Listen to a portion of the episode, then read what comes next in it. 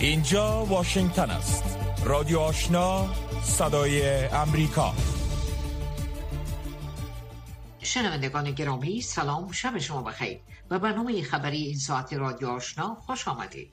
نسرین محمود عزیزی هستم و با همکارانم این برنامه را پیشکش شما می داریم مسئولان اتاق تجارت و سرمایه گذاری افغانستان می‌گویند بعد از بسته شدن دهلیزهای هوایی بین افغانستان و شماری از کشورها صادرات میوه از جمله جلغوزه کاهش چشمگیری داشته است.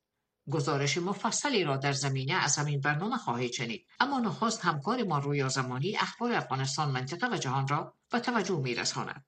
با تقدیم سلام. مقام های محلی طالبان در ولایت هرات می گویند که در نتیجه حمله مسلحانه بر بس حامل کارمندان قلوردوی 207 الفاروق این گروه دو نفر کشته و 18 تن دیگر زخمی شدند.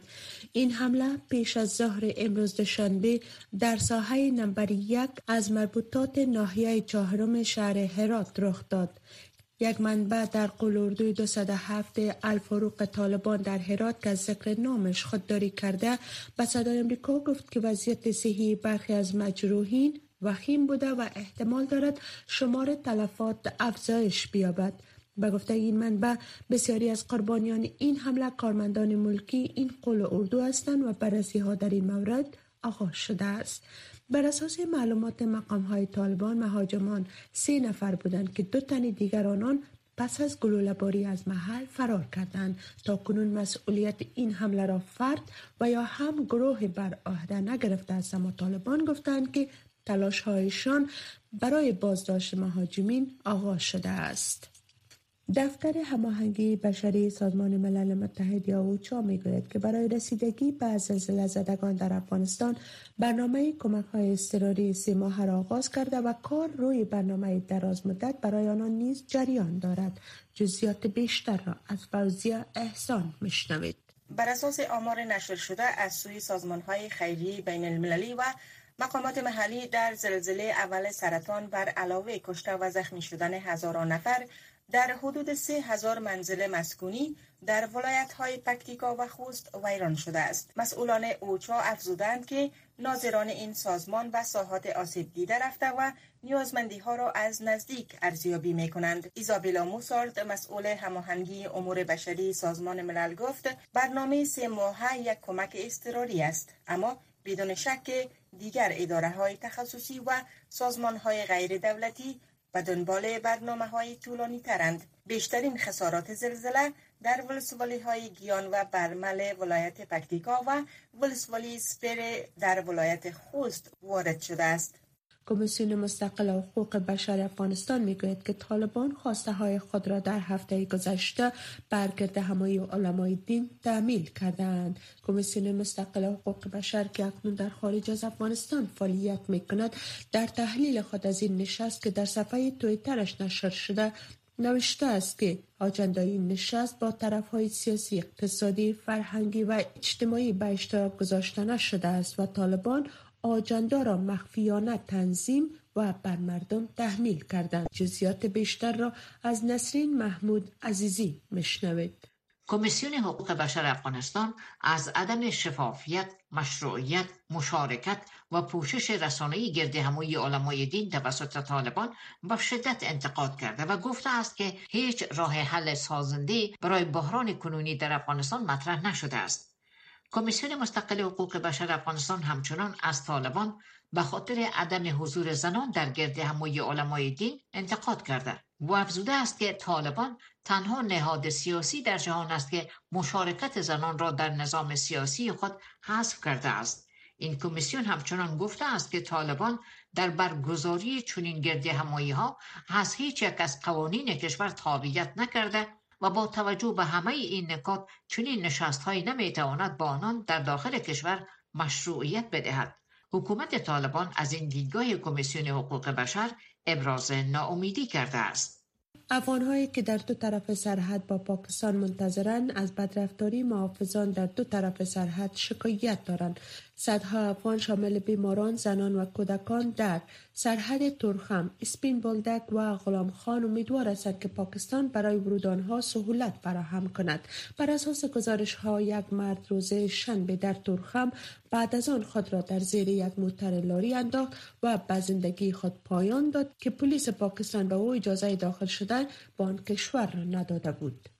خبرهای منطقه را از امواج رادیو آشنا صدای امریکا مشنوین احمد وحیدی وزیر داخله ایران گفته از گانده شهروندان خارجی که در طرح شناسایی اتباع خارجی مقیم ایران ثبت نام نمی کنند حضورشان در آن کشور غیر قانونی بوده و بر اساس قوانین اقامت غیر قانونی با این افراد برخورد صورت می گیرد.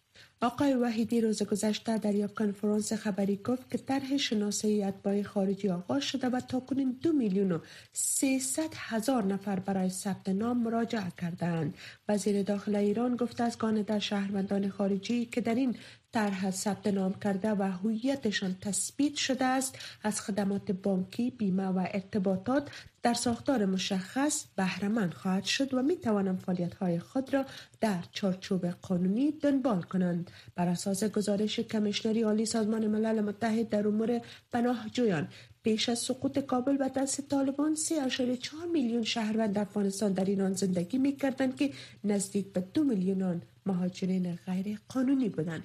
افزون بر آن تخمین می شود که صدها هزار مهاجر دیگر پس از مسلط شدن دوباره طالبان بر افغانستان وارد ایران شدن و مسافرت افغانها به آن کشور همچنان ادامه دارد. کرملین می‌گوید که ولادیمیر پوتین رئیس جمهور روسیه به جو بایدن رئیس جمهور ایالات متحده روز استقلال امریکا را که امروز دوشنبه است تبریک نخواهد گفت. دیمیتری پسکوف سخنگوی کرملین در یک کنفرانس مطبوعاتی ابراز داشت که تبریک گفتن این روز از سوی پوتین به بایدن مناسب نخواهد بود و دلیل آن را پالیسی های غیر دوستانه ایالات متحده خواند. روابط میان ایالات متحده و روسیه با آغاز تهاجم روسیه بر اوکراین با تنش های جدی مواجه شده است در حالی که روسیه ایالات متحده و دیگر کشورهای غربی را متهم به حمایت از رئیس جمهور اوکراین و فراهم آوردن سلاح به آن کشور کرده و ایالات متحده روسیه را به ارتکاب جرایم جنگی در اوکراین و تهاجم نظامی غیر مسئولانه به یک کشور مستقل متهم نموده است.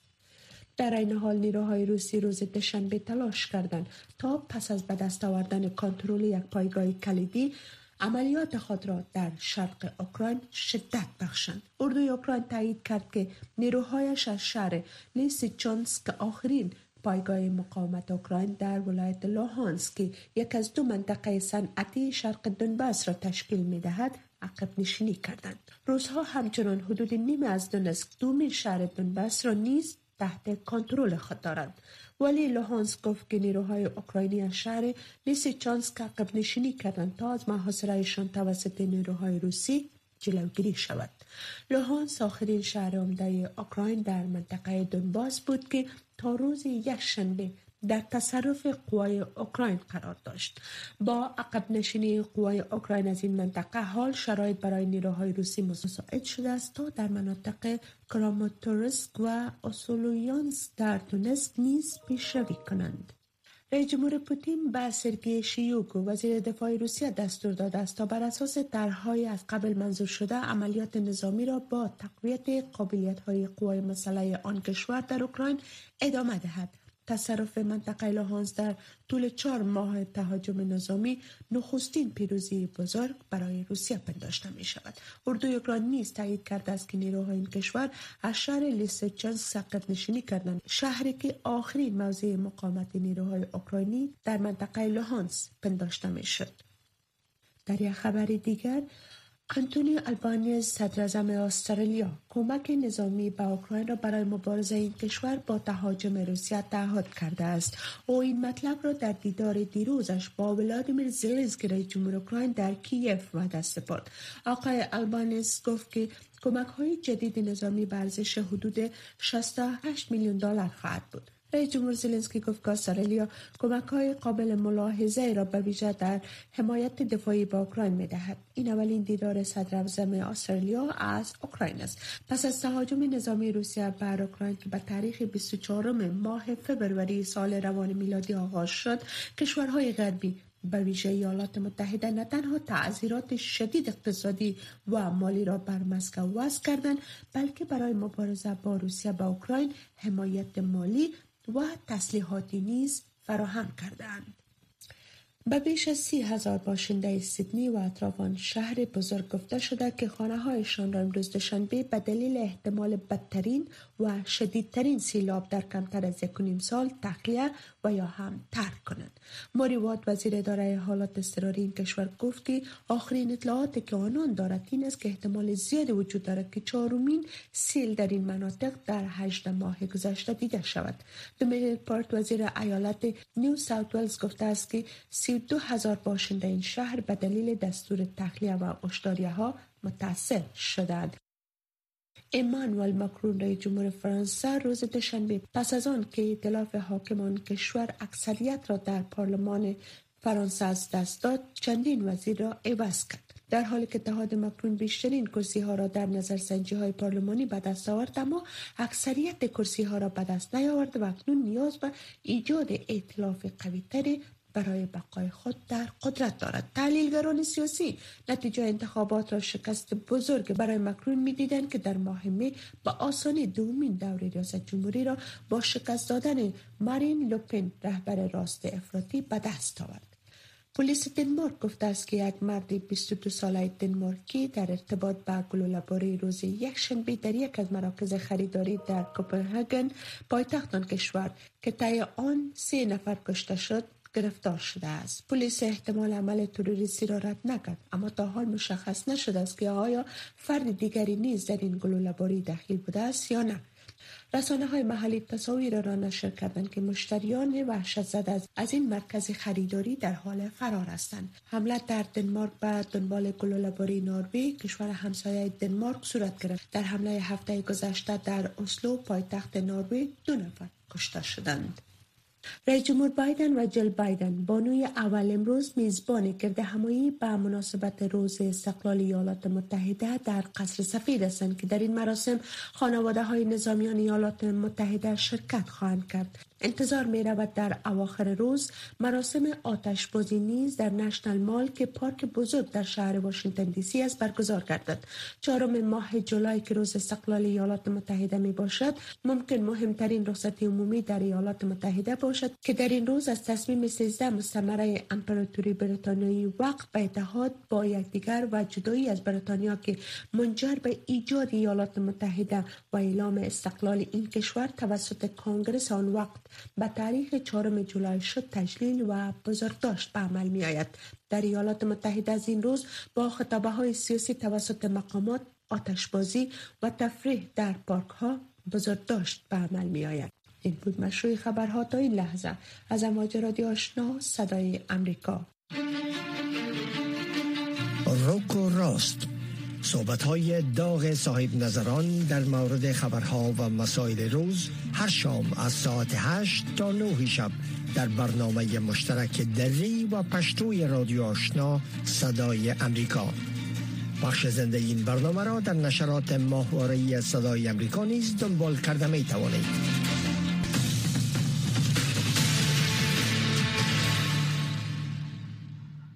شنوندگان عزیز مشروع اخبار را از رادیو آشنا شنیدید. آن هم توجه نمایید به گزارش هایی که برای شما برگزیده ایم. همانطوری که در آغاز برنامه اشاره شد به گفته مسئولان اتاق تجارت و سرمایه گذاری پس از بسته شدن دهلیز هوایی میان افغانستان با چند کشور صادرات میوه از جمله جلغوزه به کشورهای خارجی کاهش چشمگیری داشته است. وزارت خارجه طالبان گفته است که سرپرست آن وزارت با سفیر چین در کابل در مورد صادرات میوه تازه و خشک با آن کشور گفتگو کرده است. جزئیات بیشتر را در این گزارش میشنوید خانجان علکوزه یکی از اعضای هیئت مدیره اتاق تجارت و سرمایه گذاری می‌گوید که در پی توقف صادرات افغانستان از طریق دهلیزهای هوایی با تعدادی از کشورها صادرات میوه های خشک و ویژه جلغوزه به بازارهای خارجی به شدت کاهش یافته است.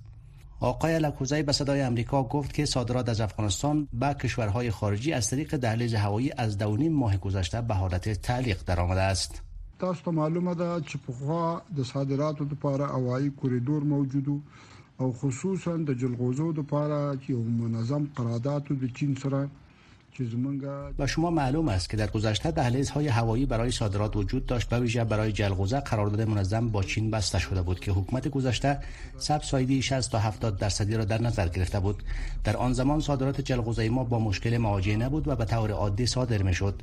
دهلیزهای هوایی ما اواخر سال گذشته با به قدرت رسیدن طالبان غیر فعال شدند. با گفته این مقام اتاق تجارت و سرمایه گذاری افغانستان تاجران افغان امسال بار دیگر به ابتکار خود با شرکت کامی صادرات جلغوزه را از طریق دهلیزهای هوایی با چین آغاز کردند. اما این روند نیز پس از صادرات 5.5 هزار تن جلغوزه از طریق چند پرواز به دلیل مشکلات انتقال پول متوقف شد. بر اساس معلومات اتاق تجارت و سرمایه گذاری هر سال افغانستان تا سی هزار تن جلغوزه تولید می کند که سالهای گذشته به چین، عربستان سعودی، امارات متحده عربی، هند و پاکستان از طریق هوا و زمین صادر می شد. آقای الکوزی گفت که اکنون تنها جلغوزه به پاکستان صادر می شود و سپس آن کشور به نام خود به بازارهای جهانی عرضه می کند. تیر کال تر اخره پوری تقریبا 9000 تن په حدود کې او د سکال چې تا پایان سال گذشته تقریبا 9000 تن جلغوزه صادر شد و امسال که 2022 تنها مسیر پاکستان باز است و جلغوزه ما به آنجا صادر می شود متاسفانه در پاکستان پس از process به نام جلغوزه پاکستانی به خارج می رود و اکنون هم مشکلات پیش آمده. این که چینایی ها قبول نمی کنند و می گویند که از طریق پاکستان به ما نیاید و آرم پاکستان روی آن نباشد. د د د او یا د پاکستان په لوګو باندې د ناراضي د افغاني دغه جلغوزي دي. در کنار این موارد به گفته آقای الکوزی وزارت زراعت آبیاری و مالداری طالبان علاوه بر محصول و مالیات بر جلغوزه یک اندازه پول دیگر نیز می‌گیرد و اکنون که تنها راه پاکستان باز است قیمت جلغوزه در آن کشور نیز نسبت به سالهای گذشته کاهش یافته است. در همین حال وزارت خارجه حکومت طالبان گفته است که امیرخان متقی سرپرست این وزارت با وانگی و سفیر چین در مورد صادرات میوه های تازه و خشک افغانستان با آن کشور صحبت کرده است. امیرخان متقی در این دیدار گفته است که افغانستان می‌خواهد تجارت هوایی و زمینی با چین را تقویت کند و علاوه بر جلغوزه زمینه انتقال زعفران بادام و انار نیز به چین فراهم شود. اعلامیه گفته است جانب چینایی تعهد کرد که با اداره های مربوط افغانستان کار خواهد کرد تا در بخش صادرات میوه های خشک و تازه افغانستان به چین همکاری صورت گیرد. این در حالی است که هفته گذشته امیرخان متقی سرپرست وزارت خارجه طالبان با وانگی وزیر خارجه چین صحبت تلفنی کرده بود. سپس وزارت خارجه طالبان اعلام کرد که چین به زودی برای شمار از تاجران افغان ویزا صادر خواهد کرد و خطوط هوایی بین چین و افغانستان به زودی فعال خواهد شد. شنوندگان گرامی رادیو آشنا صدای امریکا نشرات رادیو آشنا را در موج متوسط 1296 موج کوتاه 11575 اشاری سفر و در موج 972 کیلوهرتز شنیده می توانید. کمیسیون مستقل حقوق بشر افغانستان می‌گوید که طالبان خواسته های خود را در هفته گذشته بر گرد هموی علمای دین تحمیل کردند. این کمیسیون که اکنون در خارج از افغانستان فعالیت می کند در صفحه تویترش نوشته است که آجندای این نشست با طرف های سیاسی، اقتصادی، فرهنگی و اجتماعی و اشتراک گذاشته نشده بود. من نسرین محمود عزیزی در زمینه مصاحبه با پروفسور اسحاق قدمر از پوهنتون برلین انجام دادم که به توجه رسانیده می شود.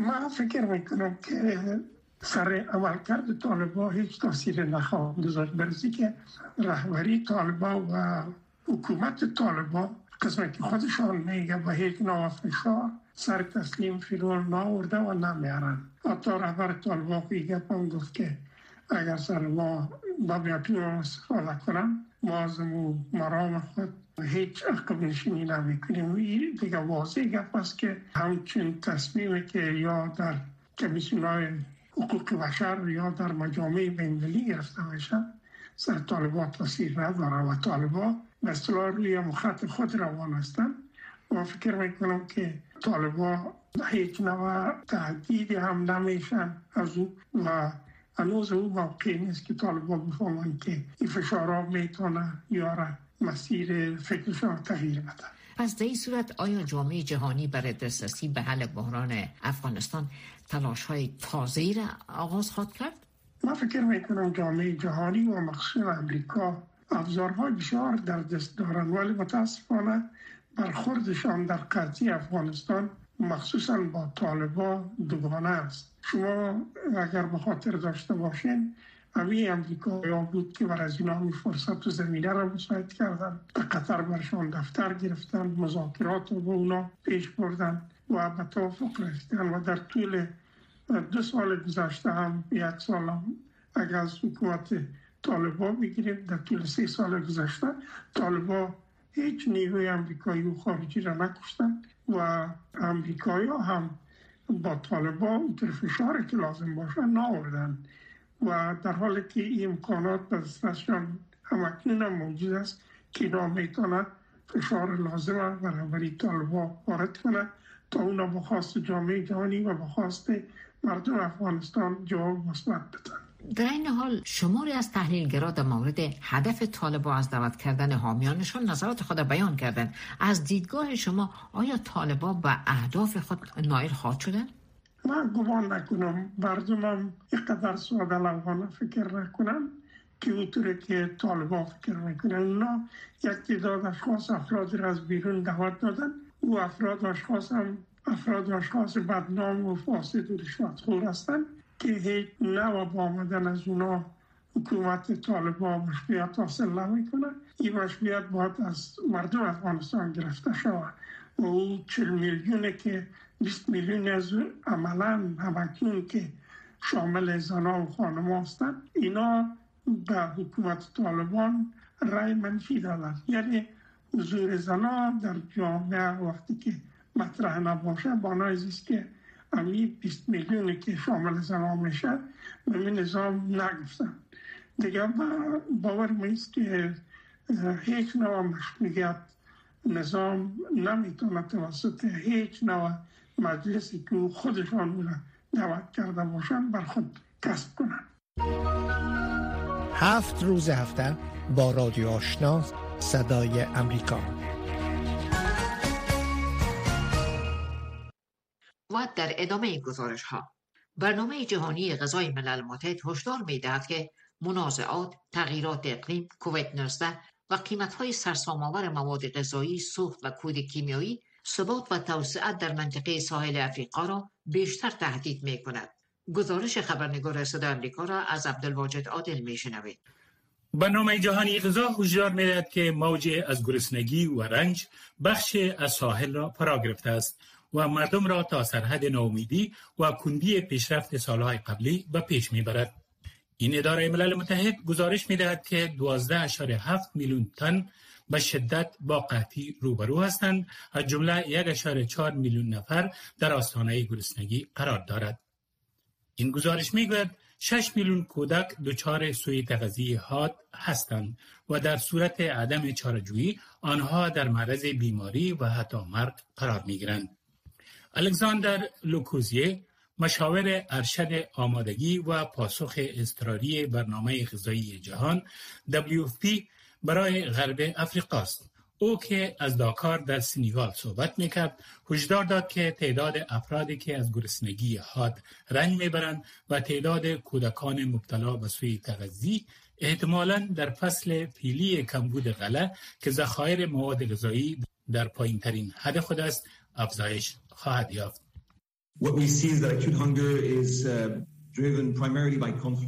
آنچه را می بینیم این است که گرسنگی شدید عمدتا ناشی از منازعات است که همچنان باعث بیجا شدن گسترده جوامع می شود و در این حال خشونت اغلب مردم را از دسترسی به بازارها مزارع یا یا کمک های بشردوستانه باز می دارد. منطقه ساحل در افریقا همچنان یک تکان اقلیمی را با بارندگی های بسیار بسیار اندک در سال 2021 متحمل شده که یکی از بدترین وضع کاهش بارندگی را در چل سال اخیر نشان می دهد.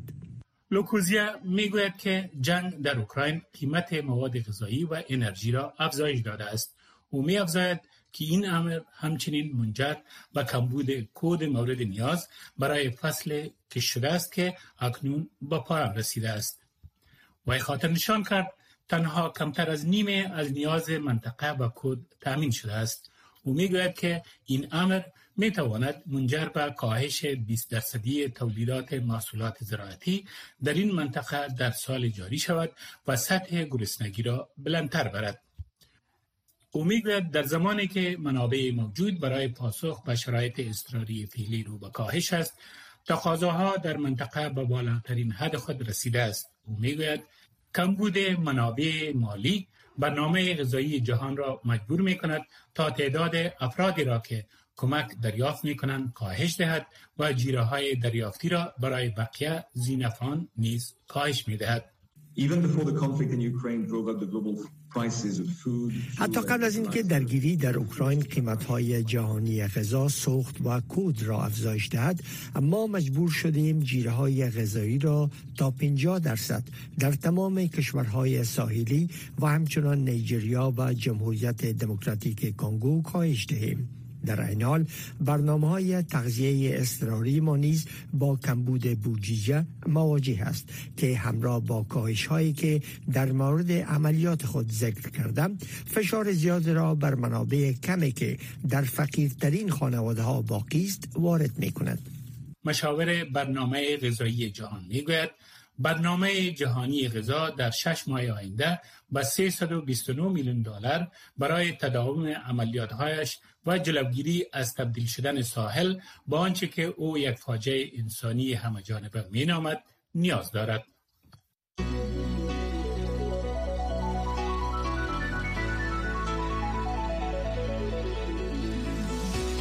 صدای امریکا در فیسبوک facebook.com voa دری و آخرین گزارش این بخش است که اردوی اوکراین تایید نموده که قوای خود را از شهر لیچانس در منطقه لوهانسک یکی از دو بخش مهم دنباس شهر صنعتی در شرق اوکراین بیرون کشیدهاند. رئیس جمهور روسیه به قوای روسی به خاطر آزادی لوهانسک منطقه شرقی اوکراین تبریکی گفته است. این در حال است که ولادیمیر زلنسکی روز یکشنبه گفت اوکراین همه قلمروهای از دست رفته و اشغال شده توسط روسیه را پس خواهد گرفت. فشرده گزارش های اسوشیتد پرس را از ژیلا نوری میشنوید. قوای روسی کنترل نصف دونتسک نیمه ولایت دونباس روسیه را به دست آوردند. منصوبین اردوی اوکراین این پیشروی قوای روسی را تایید نمودند و گفتند که در خط مقدم جنگ در سیورفس فیدروفکا و بکموت در مناطق دونتسک مجبور به ترک مناطق شدند. خطر محاصره اطراف شهر لیچانسک بیشتر شده بود. های نظامی می توانستند این قلمروها را یک الا سه هفته بیشتر نگه دارند و جنگ کنند. اما پرسش بهای این اقدام مطرح بود. اردوی روسیه همچنان گلهباری را بر پایگاه مقاومه اوکراینی در شهر سلوونسک و کراموترسک به خاطر پیشروی در منطقه دونتسک افزایش داده است. روز دوشنبه از خط مقدم جنگ گزارش شده است که منصوبین عمومی اردوی اوکراین تایید نمودند که روسیه اسلحه بیشتر و مهمات نظامی را از کریمیا در این مناطق جابجا ساخته است. الکساندر شوتوپن سخنگوی لویدرستیز قوای مسلح اوکراین همچنان گفته است که قوای هوایی اوکراین موفقانه ذخایر اردوی روسیه را متضرر ساختند ولادیمیر زلنسکی روز یکشنبه تعهد نمود که قلمروهای اشغال شده را از چنگ روسیه پس خواهد گرفت. مسئولین عمومی اردوی اوکراین. در اول روز خبر دادند که مجبور شدند تا قوای خود را از شهر لیسچانسک در ایالت لوهانسک بیرون سازند. زلنسکی در سخنرانی خود این مسئله را تایید نمود اما گفت نمی‌خواهد کنترل اوکراین را از دست دهد. یک کماندوانی نشوی ارمی هرگاه فرماندهی اردوی ما افراد خود را از یکی از این پایگاه های مشخص بیرون ساختند و دشمن آن را تفوق می داند به خصوص منطقه لیچانس به این معنی است که با دسترسی بیشتر به های مدرن و با تکتیک خود دوباره به این منطقه برمیگردیم. زلنسکی گفت قوای اوکراینی اکنون به سمت شهر خارکیف و خرسون پیشروی کردند و روز خواهد رسید که وضعیت مشابه در دونباس را نیز اعلام کند. روز یکشنبه قوای روسی کنترل شهر لیسچانسک یکی از منطقه مهم دونباس در شرق اوکراین را به عنوان پیروزی مهم در جنگ خصمانه مسکو به دست آورده است. در صورتی که این مسئله تایید گردد روسیه اکنون کنترل کامل لوهانسک را به دست آورده است و آن را به عنوان پایگاه مهم و کلیدی برای پیشرفت در شهر دونباس استفاده خواهد کرد. رئیس جمهور پوتین تلاش می‌کند تا مناطق را که در آن معادن و فابریکه وجود دارد بگیرد تا سرنوشت جنگ در اوکراین نهایی گردد. شنوندگان عزیز این بود داشته های این برنامه خبری که در همین جا به پایین رسید. اما نشرات پشتو و دری رادیو آشنا با برنامه های روک و راست همچنان ادامه دارد با ما باشید.